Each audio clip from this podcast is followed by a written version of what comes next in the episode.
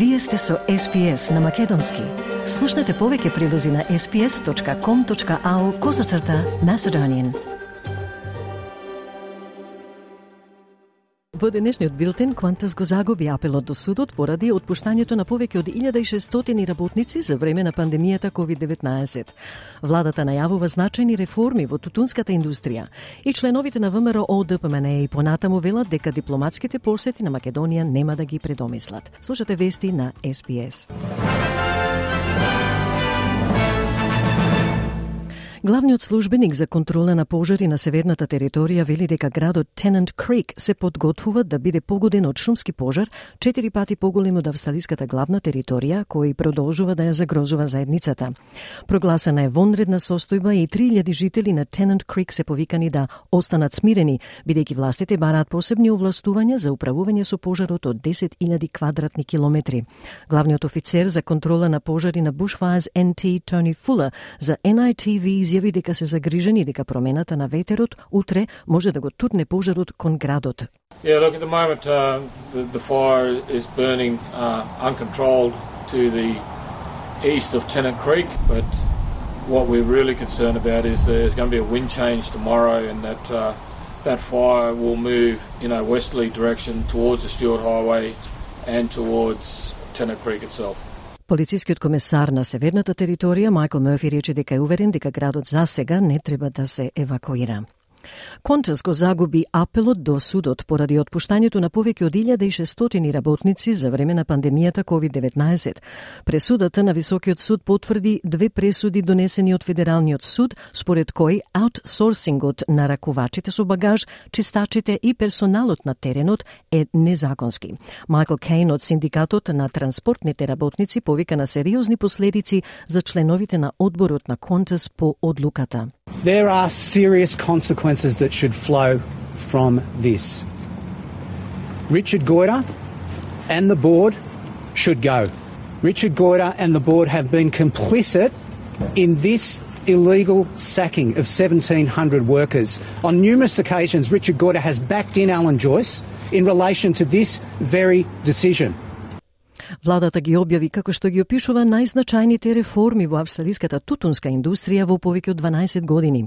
Министерот за здравство Мак Батла го најави пакетот реформи кој вклучува модернизирање на здравствените предупредувања на паковките цигари, проширување на забраните за рекламирање на електронските цигари и вапени и стандардизирање на карактеристиките на дизајнот на производите.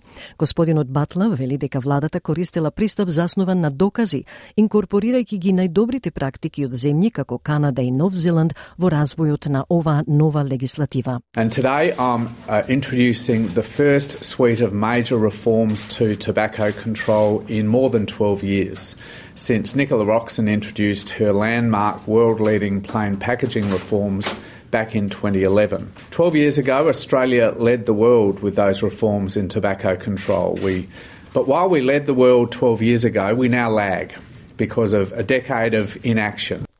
На индустријата ќе се даде 12-месечен преоден период во кој да ги вклучи овие реформи. Според Црвениот крст, над 40.000 луѓе се раселени од градот Дерна поради поплавите што ја зафатија Либија во текот на викендот. Управата за брза помош во Дерна соопшти дека најмалку 2300 загинале, а бројот на жртвите се очекува да се зголеми. Невремето предизвика хаос и поројни поплави во неделата навечер на 10 септември во многу градови во источна Либија, откако минатата недела предизвика смртоносни поплави во Грција, Унгарија и Турција. Либискиот државен министр министер за прашања на кабинетот Адел Джума вели дека заедно со големите напори за пребарување и спасување сега се распоредени и форензички тимови за да ги идентификуваат исчезнатите лица. The government coordinated the arrival of the forensic investigation team and work started yesterday in cooperation with the Public Prosecutor's Office and the Martyrs Committee to identify the missing people and to implement procedures for identifying and burial of people in accordance with Sharia and legal laws and standards while preserving and archiving DNA samples for those lost and the victims of torrents and floods. Community Housing Association вели дека владата има уште долг пат пред да се осигура дека ги задоволува потребите за домување. Парламентот се очекува да усвои фонд за социјални станови во вредност од 10 милиарди долари по договорот склучен со зелените на 13 септември. Законодавството ја доби поддршката од зелените и независните сенатори, советување за повеќе итни трошења за заедницата и јавните станови. Housing Australia Future Fund ќе посветува до 500 милиони долари годишно на проекти за станови по пристапни цени со испорака за 30.000 домови во првите пет години. Извршниот директор на Асоциацијата за стамбена индустрија во заедницата, Венди Хейхерст, вели дека на владата може да и бидат потребни до 20 години да го реши недостигот на станови. So at the moment, uh, the estimates that we have from looking at who was in mental stress um, during the 2021 census, it was 640,000 households. So that's a shortfall. We obviously need to keep pace with the growing population as well. That can't be built all um, at once. Полицијата на Викторија ќе ги зголеми своите патроли низ централниот дел на Мелбурн, додека градот се закрепнува од уште еден напад на дивење со автомобил и возило кое удри во пешаци и автомобили на улицата Берг Стрит во петокот на 8 септември. Полицијата ќе ги прошири своите патроли во градската мрежа, шеталиштето South Bank и спортските области, за да ја увери јавноста за безбедноста на градот по серијата криминални инциденти во изминатава недела, вклучително и фатално пукање во кафуле и пробудување со нож и киднапирање во северните предели на Мелбурн. 26 годишниот маж Заин Кан е обвинет за едно убиство и три обиди за убиства по инцидентот на улицата Бърк, во кој беше убиен 76 годишен маж од Брансвик, а пет други лица беа повредени. Сцени кои подсетуваат на инцидентот на улицата Бърк во 2017 година во кој загина 6 лица. Командантот на полицијата во Викторија, Мак Галијат, вели дека е важно да се смири јавноста, бидејќи градот се подготвува за еден од најпрометните месеци со училишните празници и големото финале AFL. It's understandable to think that it's you know now more than a coincidence that, that this has occurred, and with that comes naturally uh, increased tension amongst people. It's apparent that you know, further community reassurance is required. Преживеаните од најсилниот земјотрес во Мароко во повеќе од еден век ја поминаа четвртата ноќ надвор во импровизирани засолништа. Бројот на жртвите од земјотресот со јачина од 6,8 степени, што го погоди планинскиот венец High Atlas на 8 септември, изнесува близу 2900 со најмалку 2562 повредени лица, а тие бројки веројатно ќе се зголемат бидејќи спасувачите допрва треба да стигнат до оддалечените области кои претрпеа некои од најлошите пустоши. Спасувачите од Шпанија, Велика Британија и Катар им помагаат на тимовите за прибарување на Мароко, но мароканската влада беше критикувана од незините граѓани дека не прифаќа поголема странска помош. Столарот Нуредин Бо Икуеријан, кој кампува во Амизмис, село во подножјето на планините, кое се претвори во центар за помош, вели дека неговото семејство мора да се задоволи со засолниште под кебиња. This is the fourth day already. We just need a tent. We have been given blank blankets. I am afraid to go home as it may collapse because of the cracks. I need somewhere to live and rain is on its way, and we are five in the family. Поранешната либерална министерка Карен Андрюс обвини дека била сексуално вознемирувана од колега во парламентот. Поранешната министерка од коалициската влада, која заминува во пензија на следните избори, откри дел од несоодветното однесување на кое наводно била подложена во парламентот. Таа изјави за програмата Kitchen Cabinet на ABC дека колегата и дишел на задниот дел од вратот за време на терминот одреден за прашања.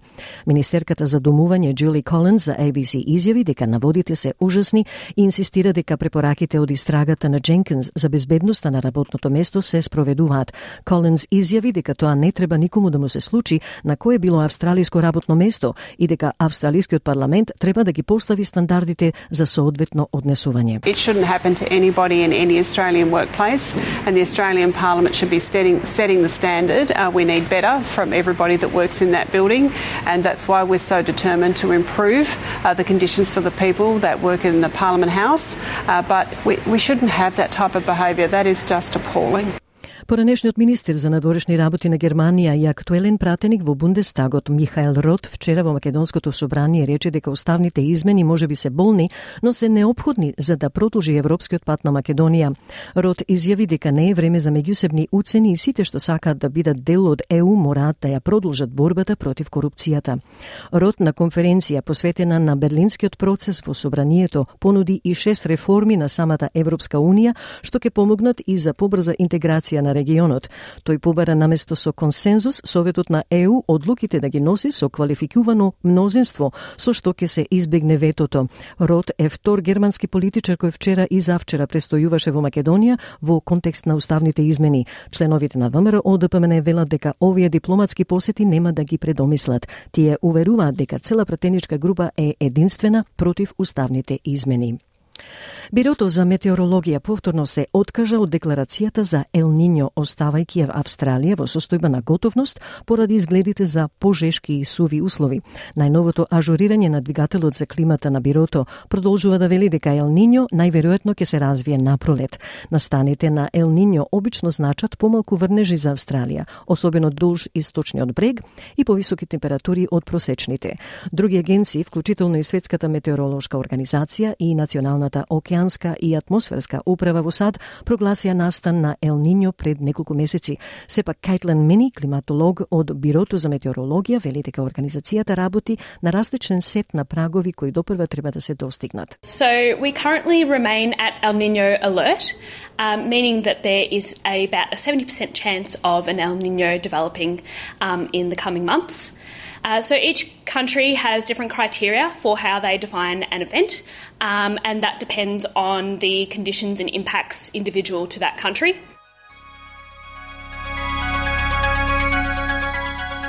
И од најновата курсна листа денеска еден австралиски долар се менува за 0,59 евра, за 0,64 американски долари и за 36,58 македонски денари.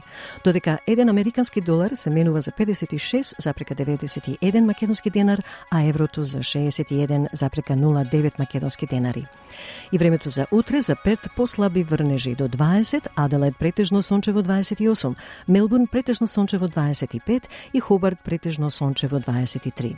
Сончево и во Камбера 25, Сиднеј сончево 23, делумно облачно во Бризбен со 24, во Дарвин сончево 34 и за Алес Спринг сончево 31.